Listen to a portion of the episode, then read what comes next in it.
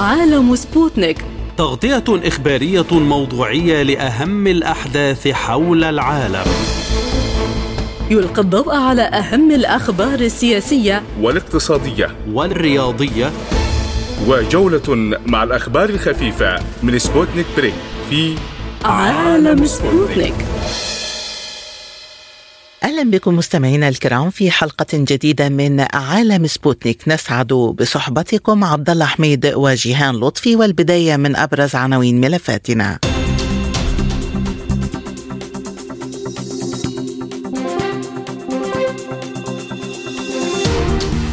أمريكا تؤكد أن الهجوم الأوكراني المضاد يسير عكس التوقعات وأن موانع قوية أبطأته وزارة خارجية النيجر تطلب من السفير الفرنسي والألماني والنيجيري مغادرة البلاد خلال 48 ساعة. الجيش الليبي يطلق عملية عسكرية واسعة لتأمين الحدود الجنوبية. والخارجية اللبنانية تعلن رفض الصيغة المتداولة لمسودة مشروع قرار التجديد لقوات يونيفيل.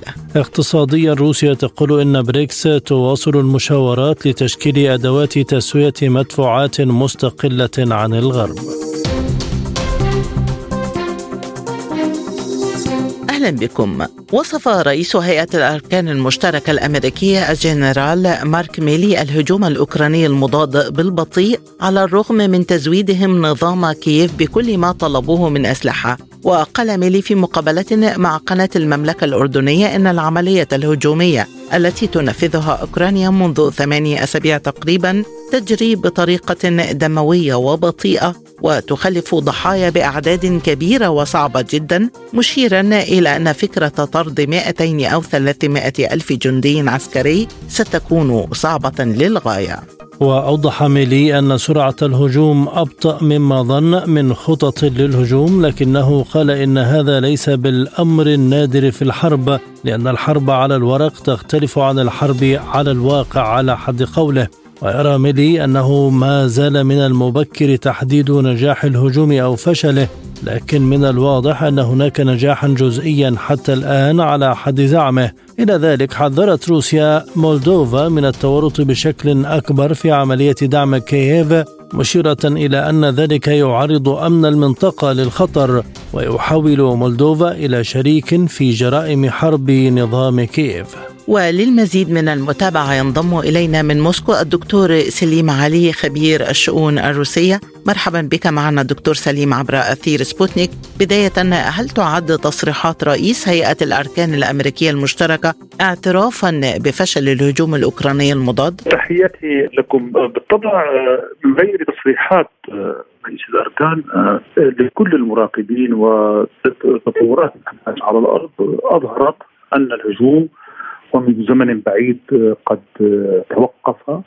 ولم يحقق النتائج التي وضعت آمال عليها القيادة الأوكرانية ومن ورائها طبعا الولايات المتحدة الأمريكية. الوضع الآن قد يبدأ بتغييرات معينة، كل كل ما جرى من تقديمه من دعم ويجري الآن ويعد للمستقبل من خلال تسليم الطائرات. الآن ملك الكلام عن تسليم طائرات اف 16 للجيش الأوكراني. ولكن كل هذا الجميع يعلم المراقبين العسكريين والمحللين في مختلف وحتى في الغرب يرى أن الواقع لن يساعد هذا بشيء اوكرانيا ليست ليست قادرة على تحقيق انتصار على روسيا كما توقع وتأمل حلف الناتو برئاسة الولايات المتحدة ولكن الوضع الآن قد نحن نرى من خلال هذه التصريحات البدء بتحضير الأجواء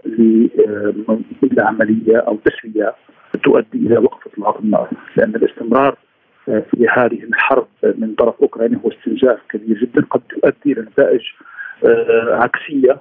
والغرب الآن يسعى إلى الوصول إلى وقف إطلاق النار على الأغلب تحضير الأجواء لذلك من أجل الإعداد لجولات مقبله. بالحديث عن هذه النقطة دكتور في ظل فشل الهجوم الأوكراني المضاد إلى أي مدى يمكن أن تغامر واشنطن بتسليم أوكرانيا طائرات إف 16 أو صواريخ بعيدة المدى؟ هي لن تغامر الآن هي تستعد بتسليمها وبدأوا بدأوا من الأسلحة الخفيفة كما رأينا الآن في تطور وبعد ذلك شيئا فشيئا نرى هنالك كل يوم وكل فترة هنالك تصريح وإعداد لصفقة جديدة. المطلوب هو استمرار هذه الحرب. طبعا نحن هم يعلمون أنهم ليس تجاوز بعض الخطوط الحمر لأن إذا بدأت تتعرض الأراضي الروسية لضربات موجعه من خلال استعمال أسلحة بعيدة هذا سوف يؤدي إلى ردود قد تؤدي وتنعكس حتى على دول الناتو أو الدول التي تعبر إليها هذه من خلالها هذه الأسلحة. الوضع نحن مستمر. المهم بالنسبة الآن ونرى أن الولايات المتحده الامريكيه هو الاستمرار في هذه الحرب، الاستمرار بحرب الاستنزاف لأنها تأمل استمرار هذا الاستنزاف. يؤدي إلى أضعاف روسيا وبعد ذلك يؤدي إلى انهيارها وتغيير نظام الحكم في روسيا من وان يستلم الحكم النخبه هي تابعه إلى الغرب تنفذ السياسات الغربية من أجل الإعداد لجولة أخرى من المعارك التي هي تعد لها الآن الولايات المتحده الأمريكية معركة ضد الصين. اذا ما هي خيارات موسكو في مواجهة هذه الخطط الأمريكية؟ الخيارات واضحة ولا ليس هناك خيارات كثير من الخيارات هو البدء بعملية عسكرية واسعة النطاق تؤدي وتغيير نظام الحكم في أوكرانيا، ما دام هنالك في أوكرانيا هذا النظام مستمر سوف تستمر الحرب. آه سوف يستمرون بتقديم الدعم العسكري وسوف يستمرون بادعام آه ودعم الاقتصاد الأوكراني من أجل الاستمرار في ذلك، الخيار هو تغيير نظام الحكم وتحويل أوكرانيا إلى دولة محايدة بعيدة عن نطاق وفضاء الهيمنة الأمريكية. أخيرا دكتور سليم موسكو حذرت مولدوفا من التورط أكثر في عملية أوكرانيا، ما هي تداعيات استمرار مولدوفا بشكل أعمق في دعم أوكرانيا؟ على الأغلب هو الجبهة الجديدة التي الآن تستعد الغرب قد يقومون بفتحها ضد اقليم بندستروبي آه لأن آه اقليم بندستروبي يمتلك تواصل مباشر جغرافيا مع البر الروسي فهنالك هو محاصر من قبل أوكرانيا ومن قبل مولدوفا فعلى الأغلب قد نرى هنالك نرى هنالك أعمال قتالية أو عمليات ضد بندستروبي من أجل إخضاعها وسيطره مولدوفا، على الأغلب نحن في هذا الاتجاه. هذا ما سوف يؤدي إلى يدفع القياده الروسية إلى القيام بعمليات عسكرية في النطاق للوصول جغرافيا واتصال جغرافيا باقليم الدنيستر وهذا أنا متوقع من هذه الجبهة الجديدة من أجل تشتيت تركيز القيادة الروسية والقدرات العسكرية الروسية وتوزيعها.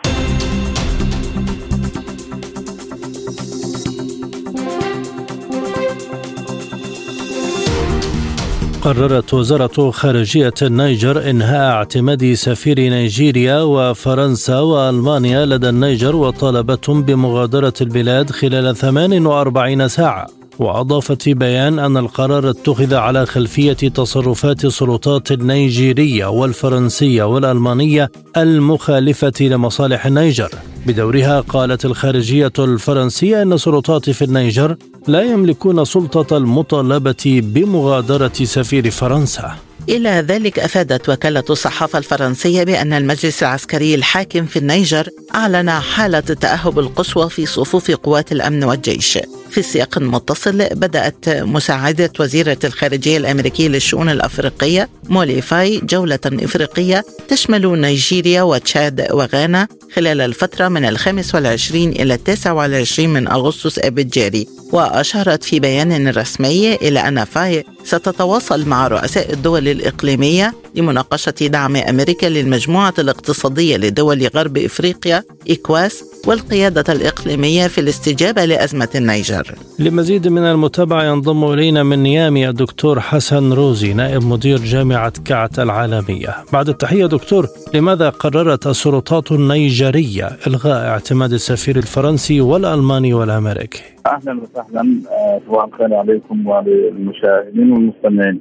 ال ال الكلام عن فرنسا هي أصلا كان متوقعا لأنه التصرفات الفرنسية في الفترة الأخيرة منذ حدوث الانقلاب ما كانت ترضي الجميع ناهيك عن النيجريين أنفسهم.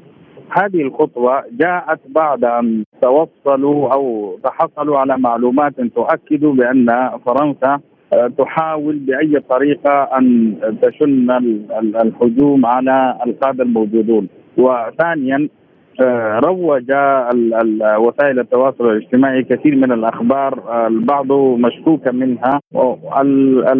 الورقة التي صدرت من الوزارة الخارجية هي تطالب فقط آه، سفير فرنسا مغادرة الأراضي النيجيرية خلال 48 ساعة. أما بقية الخطابات المكتوبة فيها نيجيريا وألمانيا وغيرها هذه كلها إشاعة حسب ما أفادت به إعلان صادر من وزارة الخارجية. في الساعات الأخيرة.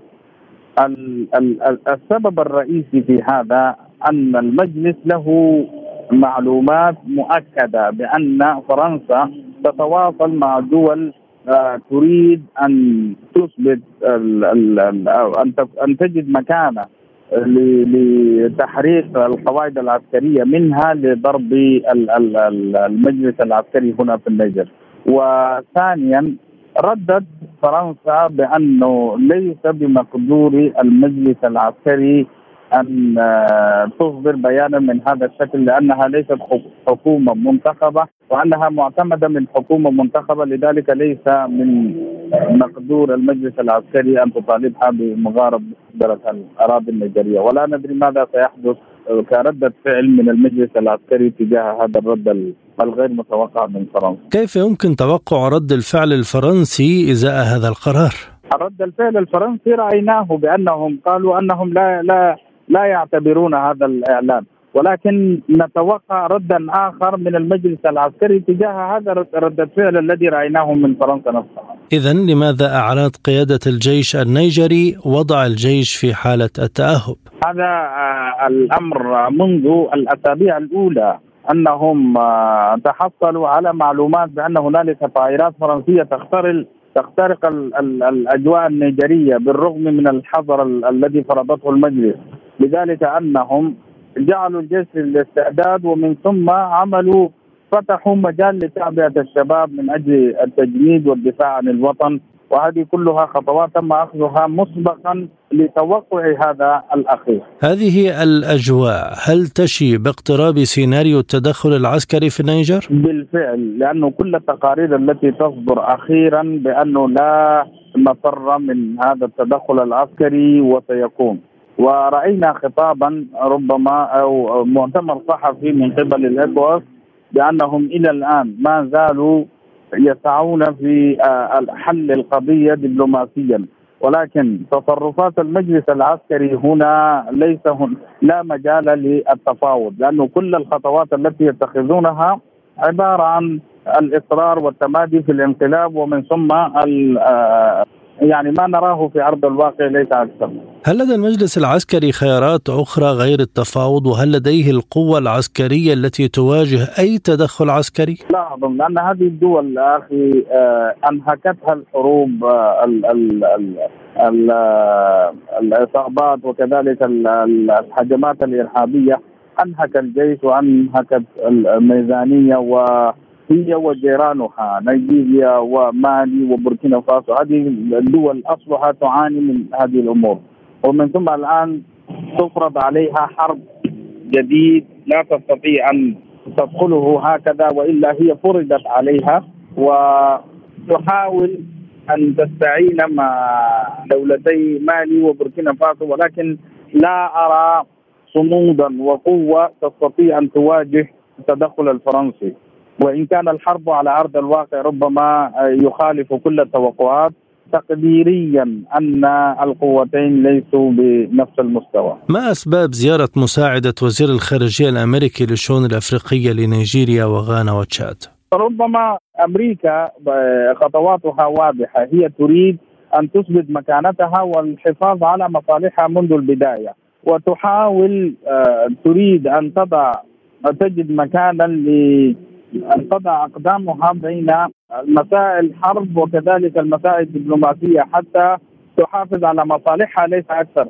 وإلا هذه الدول التي ذكرتها هي بالفعل من الدول المؤيدة للتدخل العسكري. ولكن هذه الدول لا تريد أن تدخل في هذا الحرب لوحدها. تريد سندا قويا من الخارج. ولا نرى أن هنالك دولة أبدت هذا الأمر علنا تريد أن تساند هذه الدول حتى تدخل عسكريا لأنه الدعم المادي واللوجستي مهم جدا لخوض حربا بهذا المستوى ولا يوجد إلى الآن جهة جاهزة لتقدم هذا وحتى فرنسا تتحاشى أن تدخل مباشرة ولكن آه، قد يبدو أنه لا خيار إلا ما هذا الأمر الواقع الذي نعيشه الآن.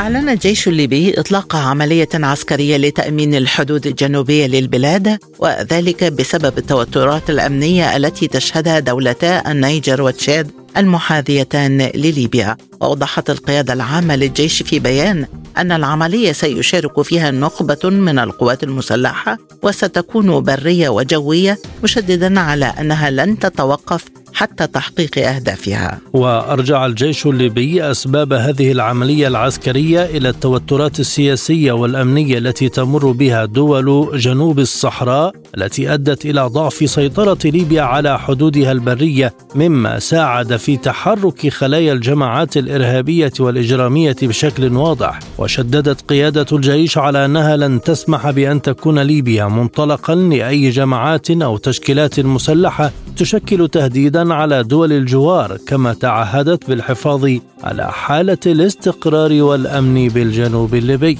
حول هذا الموضوع ينضم إلينا من سبها السيد إدريس عبد السلام حميد الباحث السياسي الليبي. أهلا بك سيدي الكريم ما أهداف العملية العسكرية التي أطلقها الجيش على الحدود الجنوبية الليبية. آه شكرا على الاستضافة وتحية للمستمعين والمتابعين وإلى حضرتك وإلى فريق العمل. آه هذه العملية التي بداها بدأها الجيش الوطني تهدف إلى آه إلى تأمين الحدود الليبية والتي آه تعرضت تواجد أو آه، اقتتال بين المعارضة والقوات التشادية وأيضا تتواجد فيها المعارضة التشادية وتتخذ منها آه، منطلق لدخول التشاد وزعزعة الأمن في تشاد، أيضا آه، هذه هذه العملية تهدف إلى تأمين المناطق الجنوب أيضا فيما يتعلق بالعصابات المنظمة، أيضا مواجهة الهجرة غير النظامية، أيضا كما نعلم أن ما يحدث في النيجر وفي السودان وتشاد بطبيعة الحال له تداعيات آه، على هذا على ليبيا. أيضا آه، ربما تستغل المنظمات الإرهابية آه، هذه الحدود للانطلاق من أو التواجد داخل داخل ليبيا، لذلك هذه عملية كبيرة وعملية مهمة، الهدف منها هو إثبات أن القوات المسلحة الليبية موجودة وأنها بإمكانها أن تحمي آه، الحدود من خلال هذه الإمكانيات ومن خلال آه، هذه العمليات، نعم. من هي الجماعات المسلحة المستهدفة بهذه العملية برأيك؟ نعم، نعرف أن المعارضة التشاديه آه، تستغل الأراضي الأراضي الليبية للانطلاق منها آه، نحو تشاد. آه، هذا أمر. أيضا نعرف أن المنطقة يعني ليست بمنع عن تواجد أو استغلال جماعات إرهابية والتواجد. فهذه المنطقة تحتاج إلى تأمين وهذا هذا أمر طبيعي وعمل إجرائي تقوم به القوات المسلحة العربية الليبية من أجل التأمين. أيضا مواجهة الهجرة غير النظامية. نعرف أن ما يحدث الآن في النيجر وربما يكون هناك يعني تصعيد في الموقف في النيجر. سوف يكون له أيضا في في في السودان. آه، نعرف أن هناك قتال في السودان بين قوات الدعم السريع والجيش السوداني. آه، فهذه كلها أمور يعني آه، ونعرف أن ليبيا ترتبط بحدود واسعة مع هذه هذه الدول. كما أن العملية أيضا ساهمت في تأمين الداخل الليبي في مناطق حدودية في ليبيا. يتواجد بها المعارضة التشاديه وأيضا لابد من تتبع الأمور ومعرفة من يتواجد في هذه المنطقة وتأمينها بالكامل. كما نعرف ان القوات المسلحة الليبية قامت بمجهود كبير أمني بتأمين الجنوب الليبي ومدن الجنوب التي كانت تعاني من الفوضى وأصبحت الآن تنعم بالأمن والاستقرار. سيد إدريس ما طبيعة الجنوب الليبي خاصة المناطق التي يرصدها الجيش في عملياته وهل ستكون أمامه أي معوقات؟ لا نعتقد ان هناك أي معوقات أمام آه، يعني هذه القوة من من الجيش الليبي آه، وهذه الإمكانيات. آه، فطبعا هذه المناطق هناك تأييد وهناك ترحاب من الليبيين لهذه المجهودات. كما نعلم أن ليبيا ما بعد 2011 أصبحت وأصبح الوضع الأمني بسبب الصراع السياسي أصبح يعني متزعزع. ولكن بمجهودات الجيش الوطني وبهذه الإمكانيات وبهذه الخطط فاصبحت الان هناك يعني إجراءات أمنية أيضا فيما يتعلق بالجانب الأمني الأمني وزاره الداخلية أيضا أطلقت خطة أمنية بمساعدة القوات المسلحة لتأمين عديد من المناطق نعرف أن منطقة الجنوب منطقة الجنوب الغربي منطقه شاسعة فهذه المنطقة تحتاج إلى مجهودات يعني من خلال دور الدور الأمني الداخلي وبدعم من القوات المسلحة والأجهزة الأمنية الأخرى. هل سيكون هناك تنسيق مع السلطات التشادية أم يتحرك الجيش الليبي منفردا؟ نعم، الجيش الوطني أعلن أنه سيقوم بمهامه داخل الحدود الليبية ولن يدخل إلى إلى أراضي أخرى. وبطبيعة الحال من الجانب الآخر يعني هناك تحرك من الجيش التشادي وحدث اشتباكات بين الجيش التشادي وقوات المعارضة الفاك في منطقة كوري بوغدي وهي منطقة غنية بالذهب تستغلها الجماعات الإرهابية والتواجد فيها، لذلك كل طرف يحاول أن يؤمن حدود في إطار احترام السيادة. إلى أي مدى يمكن أن تنجح هذه العملية في تأمين الحدود الجنوبية لليبيا؟ في ظل التوترات في النيجر والصراع الدائر في السودان.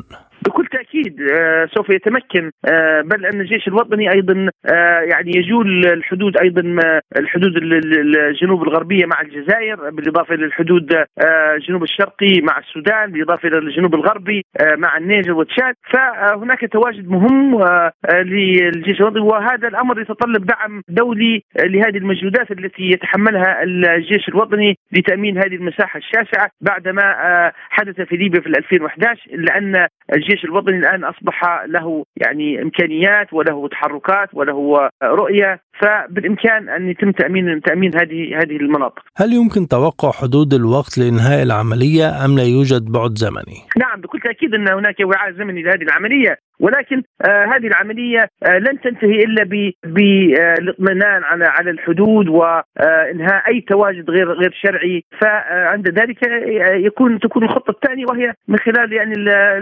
الجولات الاستطلاعية والمراقبة وتامينها ووجود البوابات العسكرية وهي متواجدة الآن فأصبحت الآن منطقة كبيرة أصبحت يعني بمجهود الجيش الوطني يعني أصبحت مجهودات واضحة و قوبلت بكل ترحاب من أهالي هذه المنطقة المنطقة الجنوبية. فيعني هذا أمر أيضا فيه جانب اقتصادي يعني محاربة التهريب والعصابات ال ال ال العصابات التهريب وغيرها. فهذا أمر يعني مهم يعني يصب في في اطار يعني الاستقرار ليبيا. وأيضا يؤكد ان أن المؤسسة العسكرية هي مؤسسة لابد منها من أجل تأمين الحدود.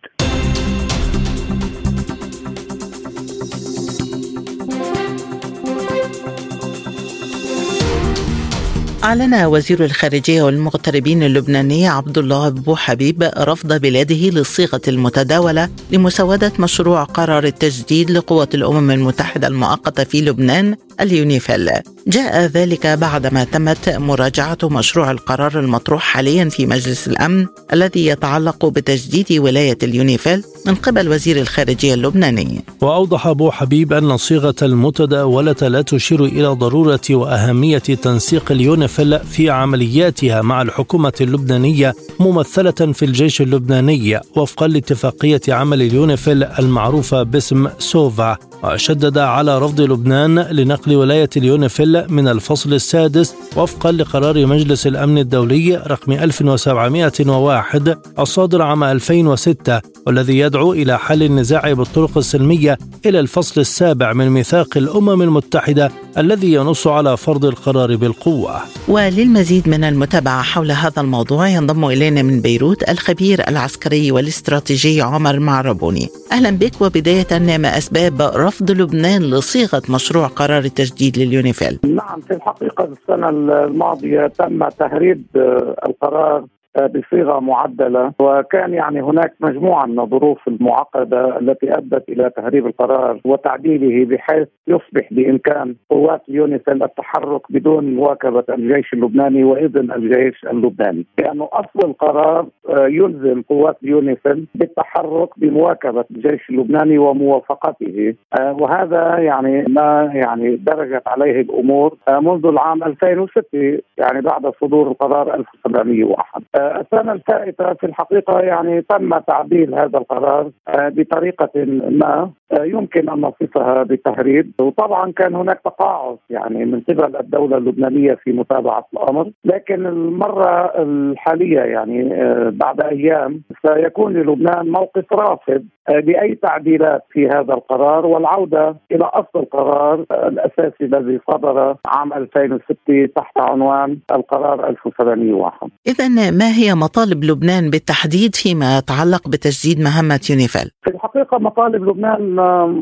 محصوره بالعودة إلى أصل القرار وإلغاء التعديلات التي صدرت السنة الفائتة في العام 2022 والتي تجيز آه، لقوات اليونيفيل آه، بالتحرك آه، لوحدها بدون مواكبة ومؤازرة الجيش اللبناني وهذا أمر بتقديري يحتاج إلى معركة دبلوماسية قوية سيخوضها يعني هذه المرة وزير الخارجية عبد الله أبو حبيب مع فريق لبنان يعني في الأمم المتحدة. المرة الماضية في الحقيقة لم ينسق لبنان مع روسيا والصين آه، وأعتقد يعني أن تنسيق مع روسيا والصين هو ضروري آه، للعودة إلى آه، أصل. القرار، علما بأن تمديد اليونيفيل يأتي بطلب من الحكومة اللبنانية يعني. وهذا يعني بند يعطي لبنان قوة في فرض تعديلات أو إلغاء التعديلات التي حصلت في العام 2022 هذه هي مطالب لبنان يعني العودة إلى أصل القرار وإلزام اليونيفيل بالتحرك بمؤازرة الجيش اللبناني لأنه تحرك اليونيفيل بشكل منفرد يمكن أن يؤدي إلى اشكاليات كبيرة كما حصل يعني هذه السنة في بلدة العاقبيه عندما يعني صودف مرور دورية لليونيفيل في مكان غير متفق عليه يعني تسيير الدوريات وأدى إلى مقتل جندي من قوات اليونيفيل وبالتالي آه، يعني مهمة يونيفيل الأساسية آه، هي القيام بتنظيم آه، الدوريات بمؤازرة الجيش اللبناني ضمن مسارات محددة. أعتقد أن لبنان يعني الآن يجهد باتجاه إعادة ترسيخ الصيغة السابقة ما قبل 2022 وهذا هو كل ما في الأمر في الحقيقة أخيرا إلى أي مدى يمكن أن تؤخذ الاعتراضات اللبنانية في الاعتبار في القرار الجديد وهل سينجح لبنان في فرض مطالبه في مجلس الأمن واعتماد صيغة 2022 عند التجديد؟ ليس هناك يعني ملامح واضحة في هذا الاتجاه. أنا قلت يعني أن التنسيق السابق يعني لأنه بين لبنان آه، من جهة وروسيا والصين من جهة أخرى منع في الأعوام 2021 و2020 وما قبلها يعني إحداث تعديلات على القرار. وبالتالي يحتاج لبنان إلى آه، تنشيط علاقاته مع روسيا والصين مجددا آه، لأنه القرار طرح بورقة فرنسية مدعومة من الأمريكيين. وتحرك اليونيسيف بهذا الشكل المنفرد في الحقيقة يعني يخدم في مكان ما الكيان الإسرائيلي. لأنه اليونيسل وجدت تقوم بأدوار معينة في المراقبة آه، وحفظ يعني الحالة المستقرة آه، وليس القيام يعني بدوريات داخل العنصر اللبناني الغير يعني متفق عليه في قرار 1701 آه، وطبعا يعني سبق ذلك يعني محاولات بأن تكون القوات الموجودة هناك بمثابه قوات متعددة الجنسيات لأنه عندما طرح الموضوع في 1700 يعني سنة 2006 كان هناك طروحات يعني بأن تكون اليونيفيل متواجده آه، في آه، على الحدود اللبنانية السورية على طول الحدود اللبنانية السورية آه، وفي عمق الجنوب اللبناني وفي المطارات اللبنانية وفي الموانئ وما إلى ذلك، لكن تم إقرار الصيغة بأن تتواجد يونيفيل في أماكن معينة من الجنوب اللبناني وكان شرط لبنان الأساسي حينها أن تتم أعمال اليونيفيل بمواكبة الجيش اللبناني، هلا إلى ماذا سنصل؟ يعني هذا مرهون بقدرة الدبلوماسية اللبنانية على التعاطي مع هذا الأمر انطلاقا يعني من موقف أساسي أن لبنان هو الذي يطلب التمديد بقوات اليونيفيل بتقديري يمكن أن تتم العودة إلى القرار السابق آه، إذا ما تم التنسيق مع الصين وروسيا لأن الصين وروسيا تمتلك حق النقد آه، وهذا ما يمكن أن يلزم فرنسا وأمريكا وغيرها من الدول آه، بالعوده إلى أصل القرار.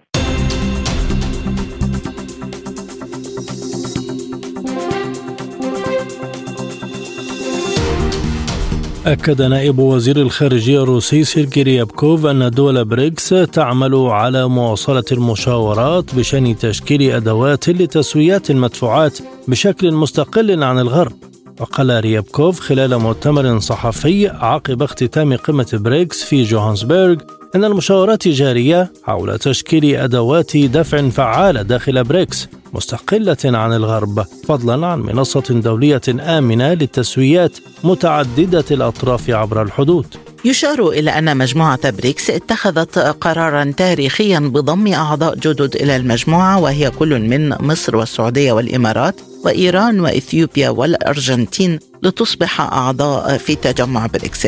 وللمزيد من المتابعة حول هذا الموضوع ينضم إلينا من القاهرة الخبير الاقتصادي الدكتور محمد البهواشي. بعد التحية دكتور محمد ما هي آليات تشكيل نظام مدفوعات دولي مستقل عن الغرب الذي تسعى بريكس لإنشائه؟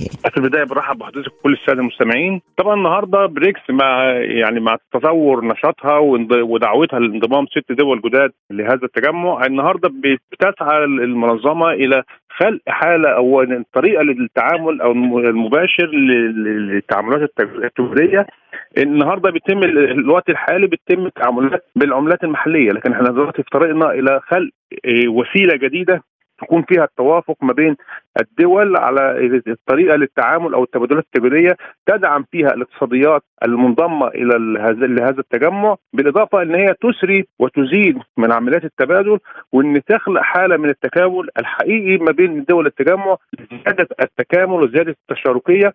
وإن زي ما قلت أنا بحب بقولها بوصف إن دائما في هذا التجمع الكل رابح. فهي يمكن ده السعي اللي بتسعى عليه المنظمة إلى خلق حالة أو وسيلة أو آلية للتعامل التجاري بعملات الدول المنضمة إلى التجمع بطريقة تكون فيها التعادلية والتشاركية بشكل مرضي للجميع. ولكن إلى أي مدى يمكن أن تنجح بريكس في ذلك المسعى؟ طبعا بريكس إحنا يعني هنقول فرص نجاح هذه الخطوة يعني ب... لما نيجي نقيمها بنشوف حجم التبادل التجاري أو حجم التعاملات القائمة بالفعل ما بين التجمع سواء البريكس الحالية أو البريكس بلس بالدول اللي إن شاء الله هتنضم مع أول العام القادم. النهارده إحنا بنشوف حجم تبادل تبادلات تجارية كبيرة ما بين الدول الأعضاء بالإضافة طبعا إن هي في الاساس هي دول يعني بنتكلم عن الدول البريكس الأساسية هي دول في, في أساسها هي دول اقتصاديا لها ثقل سياسي في السوق العالمي. خلينا نقول إن التجمع بوضعه الحالي بدون الإضافات الجديدة يشغل 25% من الناتج المحلي الإجمالي للعالم أجمع. الحجم الصادرات والواردات السلعية للدول الأعضاء الاساسيين الخمسة فقط. النهارده يجاوز ال 20% من حجم الصادرات السلعية للعالم. فالنهاردة هو ده اللي بيعطي آه، رؤية لمدى إمكانية تطبيق هذه الخطوة. فطبعا مع انضمام ست دول لهم ثقل وليهم مزايا نسبية بتختلف كل دولة عن الأخرى. ويمكن بنتكلم هنا على ست دول تعد ست دول محورية إقليمية. يعني النهارده بتكلم على مصر مصر مش دولة لوحدها هي مصر تمثل القارة الإفريقية بجانب إنها تمثل الدول العربية. اللي يتكلم على السعودية أو الإمارات هي دول نفطية خالصة بالإضافة إن هي تمثل القطاع الخليج بالكامل. ايران على نفس النهج الأرجنتين نفس النهج. فالنهاردة بتكلم على دول لها ثقل وستسري فكرة التعاون والتشاركية بالإضافة إن بنك التنمية التابع لبريكس هو النهارده بقى واجهة مهمة جدا لتمويل المشروعات التنموية في هذه الدول ويمكن بيستهدف البنك إن هو ما يبقاش منصب فقط على الدول أعضاء بريكس لكن النهارده هو فرصة لدعم الدول النامية والدول الناشئة في مشروعاتها التنموية فأعتقد ان ده أكثر نفاذية للبريكس النهارده إن هو من خلال واجهتها المالية المتمثلة في البنك التنمية إن هو بيخلق نافذة وبيخلق طوق النجاح للدول النامية إن هي يكون فرصة لتمويل مشروعاتها التنموية. التنموية بديلا طبعا عن مؤسسات التمويل الدولية الموجودة حاليا اللي دائما ما يكون فيها مشاكل في فرص التمويل للدول الناشئة سواء بفايدة بفايدة عالية أو بشروط إقراض شديدة أو صعبه التحقيق للدول النامية. فالنهاردة النافذة التمويلية من خلال بنك التنمية التابع لبريكس هي يمكن من ضمن الفرص اللي بتدعم نجاح بريكس وليست دول الأعضاء بريكس فقط لكن بتدعم نجاح بريكس وتشعبها في كافة الدول باعتبار إن الدول الأساسيين أو البريكس بريكس بلس هم نقطة الأساس وما يتم العمل عليه هي إضافة حزمة أو سلة من الدول المتعاونة مع البريكس بلس بالكامل. اذا دكتور ما أهمية وجود منصة دولية آمنة لتسويات متعددة الأطراف عبر الحدود تكون أيضا مستقلة عن الغرب؟ طبعا النهارده إحنا بنتكلم ان ما يتم من تسويات طبعا برعاية المؤسسات الدولية الموجودة في الغرب أو في أمريكا هي ليها ليها ليها طبيعة خاصة. يمكن ما تناسبش الدول النامية أو الدول الناشئة لكن النهارده البريكس ليه في, أساسه في ليه, ليه طبيعة خاصة. يمكن تم الإنشاء عليها وتم الاساس عليها إن هو بيدعم الدول النامية وبيدعم التعاملات والتبادلات بالعملة المحلية. فبشكل عام هو بنقول البريكس هي أنشئت لدعم التنمية ودعم المشروعات التنموية ودعم بنقول الدول الناشئة. فالنهاردة اللي إحنا بنشهده من خلق منصة لتسويه التعاملات بالعملات المحلية أو ايا كان الآلية اللي ممكن تصل إليها المباحثات أعتقد إن هي بيراعى فيها مصلحة الدول الأعضاء ويمكن دوت النقطة اللي ما بيتمش مراعاتها في المؤسسات الدولية الحالية النهارده الواقع إن هو تم مراعاة مصالح الدول المتقدمة. بتكلم على الدول اللي ليها ملاءة مالية بعيدا عن التنمية اللي بتحتاجها الدول الناشئة. فعشان كده النهارده البريكس بقت هي النافذة أو طوق النجاة للخروج من هذه الأزمة اللي بيقابلها الدول الناشئة. بالإضافة النهارده العالم مع الأزمات الحالية بتعاد صياغته الاقتصادية. فالنهاردة البريكس خلقت حالة لاعاده صياغة ولامكانيه شراكة الدول الناميه والناشئة في صياغة الاقتصاد العالمي الجديد بخلق تكتل يضم ما بين طياته الدول الناشئة. النهارده بقت في هذا التكتل خلق كيان ممكن إن هو يخلق كيان اقتصادي كبير. باعتماده في الأساس على الدول النامية والناشئة باستغلال المزاياها النسبيه النسبية كموارد أو موارد خام أو موارد مصنعة وبدعمها بخلق بخلق طبعا إمدادها بشكل شكل تمويلي أو شكل لوجستي لدعم التنمية في هذه الدول، فالنهاردة هي المعادلة الحقيقية إن كل من خلال بريكس كل رابح طبعا وده بخلاف ما شفناه خلال عقود من الزمن في المؤسسات التمويلية الموجودة في الاتحاد الأوروبي وفي أمريكا. الآن إلى جولة من الأخبار حول العالم.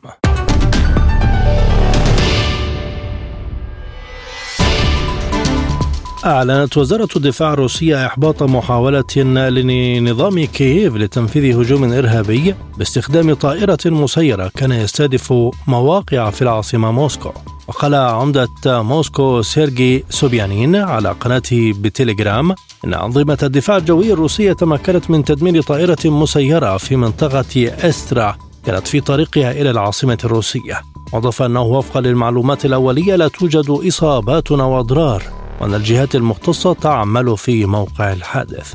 أكد مدير المركز الإعلامي لمجموعة المركز التابعة للجيش الروسي ألكسندر سافيتشوك أن القوات الروسية تمكنت من صد وإفشال سبع هجمات قامت بها القوات الأوكرانية على محور كراسني ليمان. وأوضح سافيتشوك خلال تصريحات لوكالة سبوتنيك أن وحدات مجموعة المركز التابعة للجيش الروسي تصدت لهذه الهجمات بمساعدة ضربات جوية ونيران مدفعية. وأضاف أن القوات الأوكرانية تكبدت خسائر كبيرة خلال صد الهجمات إذ بلغت نحو 60 جنديا أوكرانيا بالإضافة إلى تدمير مركبة مشاة قتالية ومركبة مدرعات وشاحنتين صغيرتين كما تعرضت منظومة صواريخ مضادة للطائرات من طراز ستريلا 10 إلى أضرار كبيرة. صرح وزير الخارجية التركي هاكان فيدان أن بلاده تتفاوض بشكل منتظم مع روسيا وأوكرانيا والأمم المتحدة لاستئناف صفقة الحبوب. ونقلت وكالة الأناضول التركية عن فيدان خلال مؤتمر صحفي في كييف أن استئناف العمل بهذه المبادرة يعد أولوية بالنسبة لتركيا. وأشار إلى أن أنقرة تأمل الوصول لنتيجة إيجابية من المفاوضات بشأن استئناف صفقة الحبوب.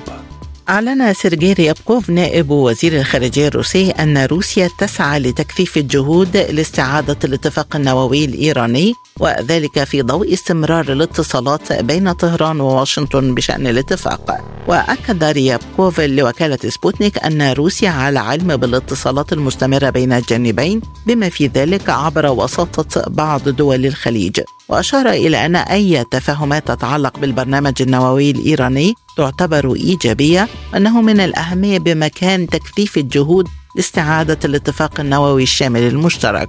وأوضح أن إيران مستعدة لاستئناف المفاوضات في فيينا بشأن الاتفاق النووي وأن موسكو وبكين تدعمان هذا القرار لكن الدول الغربية تتخذ موقفا مغايرا بسبب اعتبارات غير مباشرة تتعلق بالاتفاق النووي الشامل المشترك. قال أحمد مجدلاني وزير الشؤون الاجتماعية الفلسطينية إن دعوة منظمة بريكس في بيانها الختامي بشأن بدء مفاوضات مباشرة بين فلسطين وإسرائيل مهمة في ظل الدول المهمة ذات الوزن الدولي والإقليمي الكبير التي يتشكل منها هذا التجمع. وأضاف في تصريحات خاصة لسبوتنيك أن البيان يمثل رسالة مهمة للولايات المتحدة مفادها أن عصر التفرد الأمريكي في قيادة النظام السياسي الأحادي الجانب بدأ في الأفول وأنه ينبغي أن يكون هناك دور لنظام دولي متعدد الأقطاب يتم من خلاله معالجة المشاكل والأزمات المتفجرة على المستوى الإقليمي.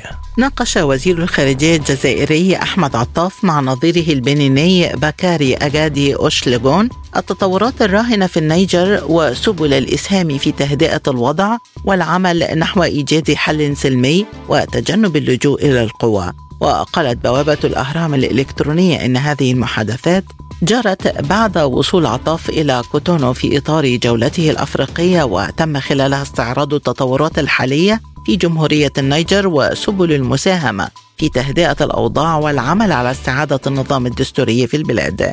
تهدف المباحثات للحفاظ على أمن واستقرار النيجر وفقا لما تم الاتفاق عليه بين رئيسي البلدين الجزائري عبد المجيد تبون والبنيني باتريس تالون خلال محادثتهما الهاتفية في بداية الأزمة. أعلن الرئيس البيلاروسي ألكسندر لوكاشينكو أن مينسك مستعدة لدعم سوريا في مرحلة إعادة الإعمار بعد الصراع وبحسب المكتب الإعلامي للرئيس لوكاشينكو فقد قدم الرئيس تهنئته لنظيره السوري بشار الأسد بمناسبة الذكرى الثلاثين لإقامة العلاقات الدبلوماسية البيلاروسية السورية. أشار المكتب الإعلامي أن لوكاشينكو أكد أن العلاقات بين البلدين تطورت بشكل ديناميكي على مدار ثلاثين عاما على أساس الصداقة والثقة المتبادلة وتبادل البلدان الزيارات رفيعة المستوى والتعاون في مجالات عديدة مثل التجارة والتعليم والثقافة والرياضة. شدد الرئيس البيلاروسي على أن الدولتين ستنجحان في مواجهة التحديات الجديدة في هذا العصر مضيفا أن البلدين سيواصلان التعاون المثمر سواء على المستوى الثنائي أو على الساحات الدولية. مستمرون معكم وهذه تذكرة بأهم عناوين عالم سبوتنيك لهذا اليوم.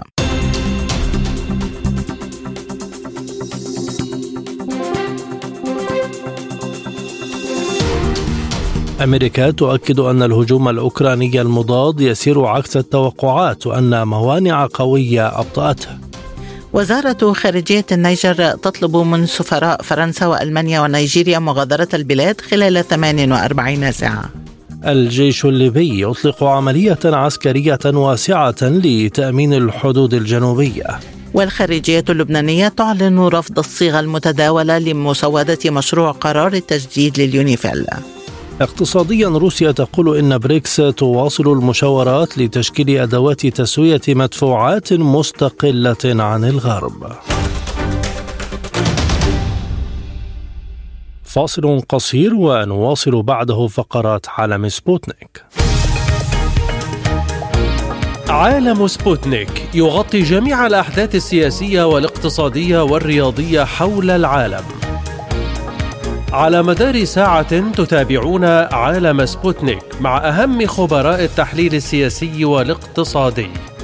نقترب معكم في متابعة دقيقة من القضايا السياسية والاقتصادية، كما نستعرض أهم الأخبار الرياضية والفنية والبيئية. انتظروا عالم سبوتنيك أيام الجمعة والسبت والأحد من كل أسبوع. ملفات ساخنة. برنامج يسلط الضوء على أهم القضايا الحرجة في العالم. في ملفات ساخنة نستعرض القضايا مع جميع الأطراف ومن كل الزوايا لاستجلاء الحقيقة.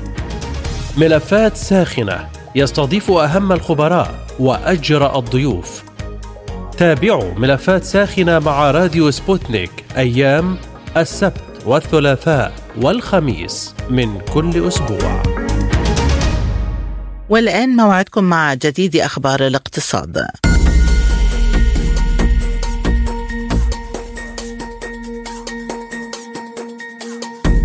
طلبت خمس دول أوروبية هي بولندا وسلوفاكيا وبلغاريا والمجر ورومانيا المفوضية الأوروبية بتمديد الحظر على واردات الحبوب من أوكرانيا حتى نهاية العام الجاري. وقال وزير الزراعة والتنمية الريفية البولندي روبرت تيليوس إنه خلال اجتماع عن بعد لخمسة وزراء من دول الحدود مع أوكرانيا تم التوصل إلى موقف مشترك لتقديمه في الاجتماع المقبل للمجلس الأوروبي. وأضاف أن الموقف يتضمن ثلاث نقاط الأولى هي دعم الرسوم الإضافية لنقل الحبوب الأوكرانية عبر دول الاتحاد الأوروبي والثانية هي تأييد الحظر على واردات الحبوب الأوكرانية حتى نهاية العام الجاري كما تتضمن النقطة الثالثة أن تكون قائمة الحظر مرنة بحيث يمكن إضافة منتجات معينة إليها مثل التوت أو زيت عباد الشمس.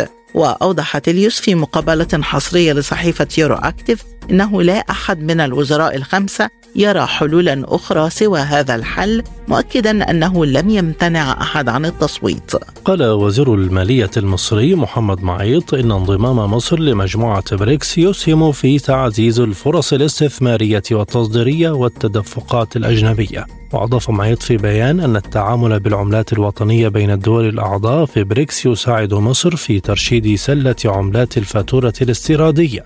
وأشار الوزير المصري إلى أن انضمام مصر لبريكس يفتح آفاقا واعدة لتوطين التكنولوجيا المتقدمة في شتى القطاعات الاقتصادية. ولفت إلى أن تنوع الهيكل الإنتاجي والسلعي للصادرات يحقق التكامل لسلاسل الإمداد والتوريد بين دول المجموعة.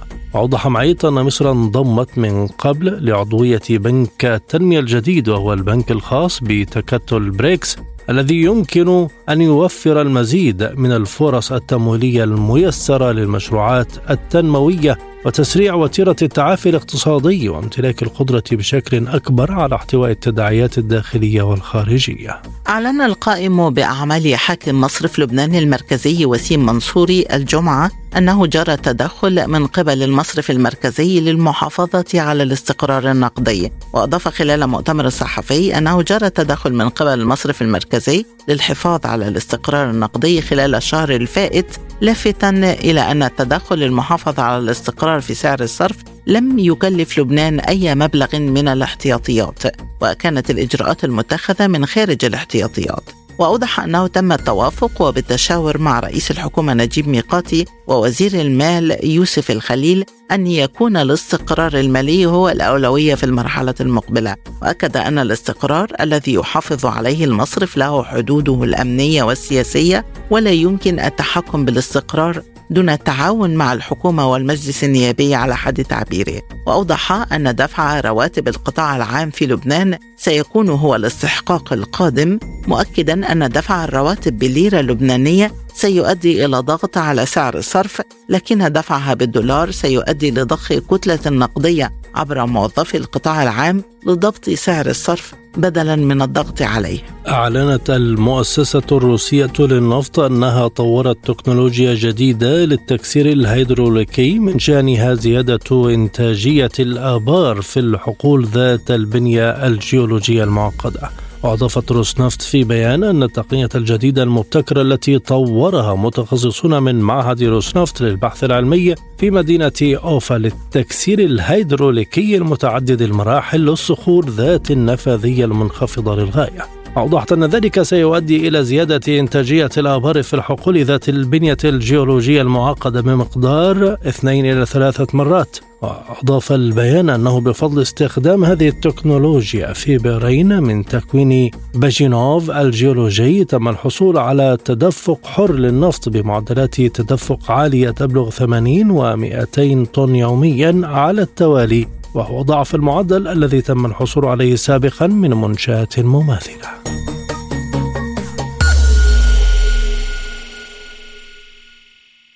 والآن موعدكم مع النشرة الرياضية.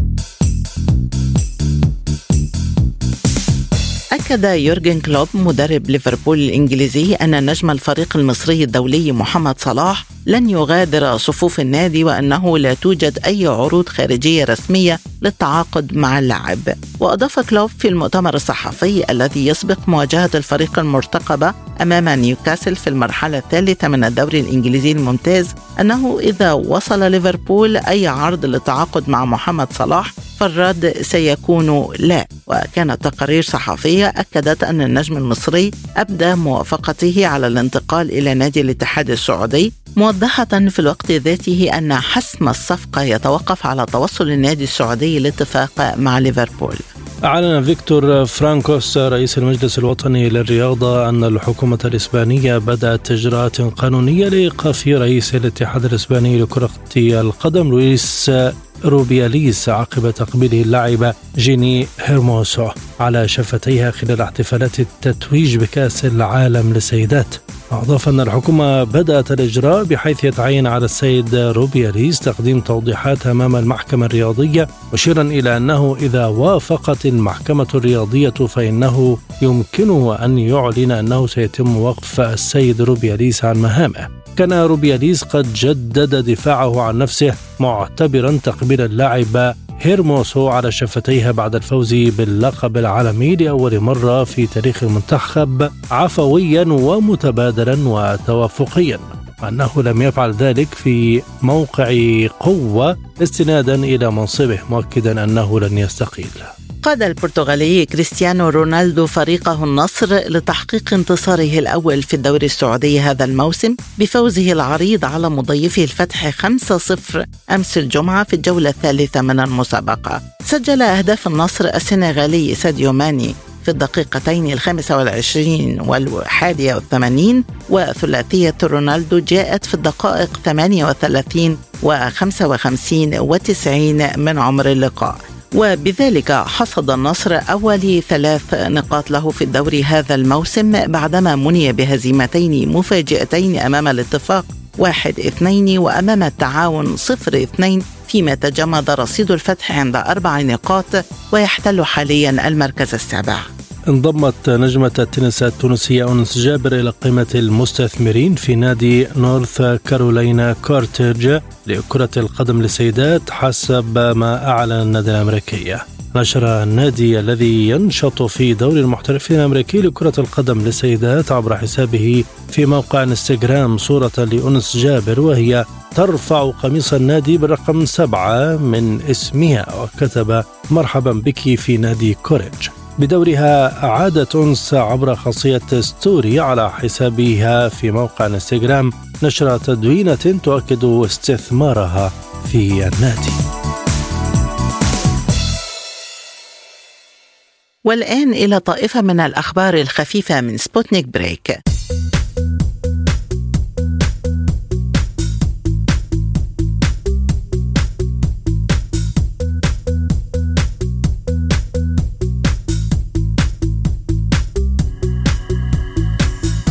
صرح أليكسي فارلوف رئيس مركز كورشاتوف الوطني للبحوث في منتدى تكنو بروم 2023 بأن العلماء الروس طوروا تقنية جديدة لتخزين الوقود النووي المستهلك. وأضاف أليكسي أن مركز كورشاتوف يعمل على تعزيز عملية التخزين الآمن الجاف في حاويات محكمة الإغلاق مملوءة بالغاز. وأشار إلى أنه نتيجة لذلك سيتم إنشاء رمز حساب يسمح بتثبيت أنظمة التخزين الجاف والنقل وحالات الطوارئ المختلفة. وأوضح الخبير أنه يعمل حاليا نحو 450 مفاعل نووي في العالم تنتج سنويا نحو 900 طن من الوقود النووي المستهلك لافتا إلى أن هذه المشكلة معقدة وأن حلها مؤجل للمستقبل. وأشار فيرلوف إلى أنه في روسيا يتم تخزين الوقود النووي المستهلك فيما يسمى بمرافق التخزين من نوع حوض السباحة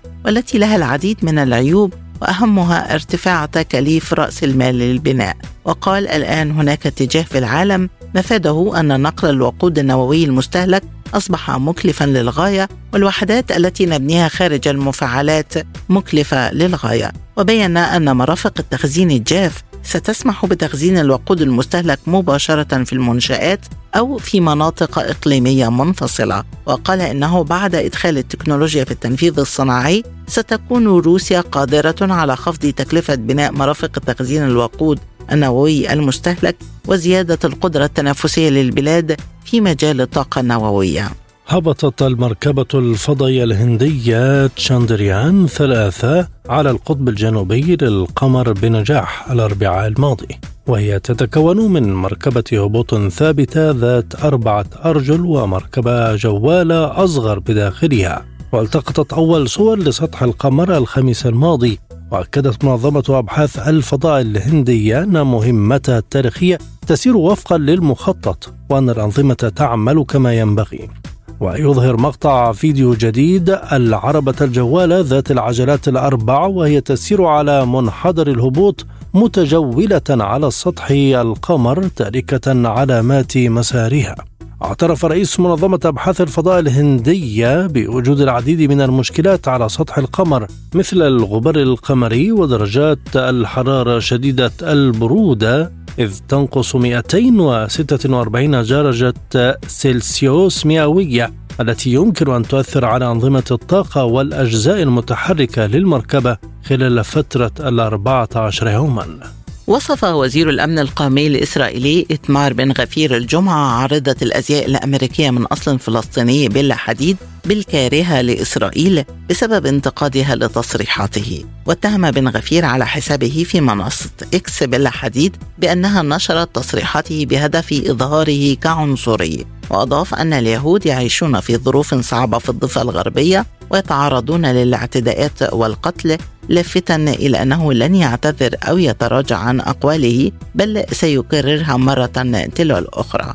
كان بن غفير قد صرح في وقت سابق للقناة الثانية عشر الإسرائيلية أن حقه وحق عائلته في التنقل والحركة في الضفة الغربية أهم من حرية الفلسطينيين في الحركة والتنقل. وعلقت حديد على ذلك قائلة لا ينبغي في أي مكان وأي وقت أن تكون حياة شخص ما أكثر قيمة من حياة شخص آخر لمجرد أصله أو ثقافته أو كراهيته الخالصة. يعمل الحارس الشخصي للنجم الأرجنتيني ليونيل ميسي على امتداد حافة الملعب خلال مباريات نادي انتر ميامي لحماية موكله من أي احتكاك غير مرغوب فيه. وبحسب مصادر فإن الحارس الشخصي للاعب الأرجنتيني تم اختياره من قبل قائد منتخب إنجلترا السابق ديفيد بيكام وهو أحد ملاك النادي تمتع الجندي السابق في القوات الخاصة في الجيش الأمريكي ياسين شويكو بخبرة قتالية في العراق وأفغانستان. كما يمتلك الخبرة في الفنون القتالية والملاكمة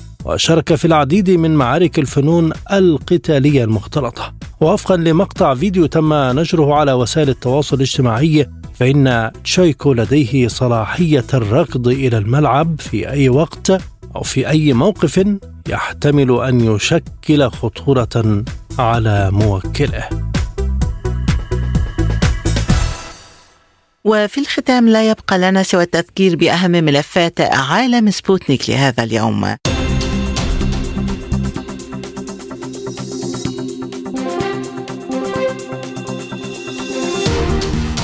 أمريكا تؤكد أن الهجوم الأوكراني المضاد يسير عكس التوقعات وأن موانع قوية أبطأته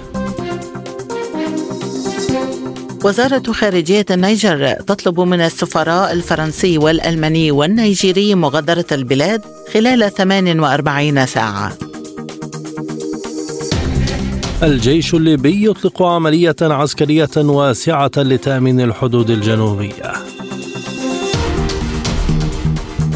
والخارجية اللبنانية تعلن رفض الصيغة المتداولة لمسودة مشروع قرار التجديد لليونيفيل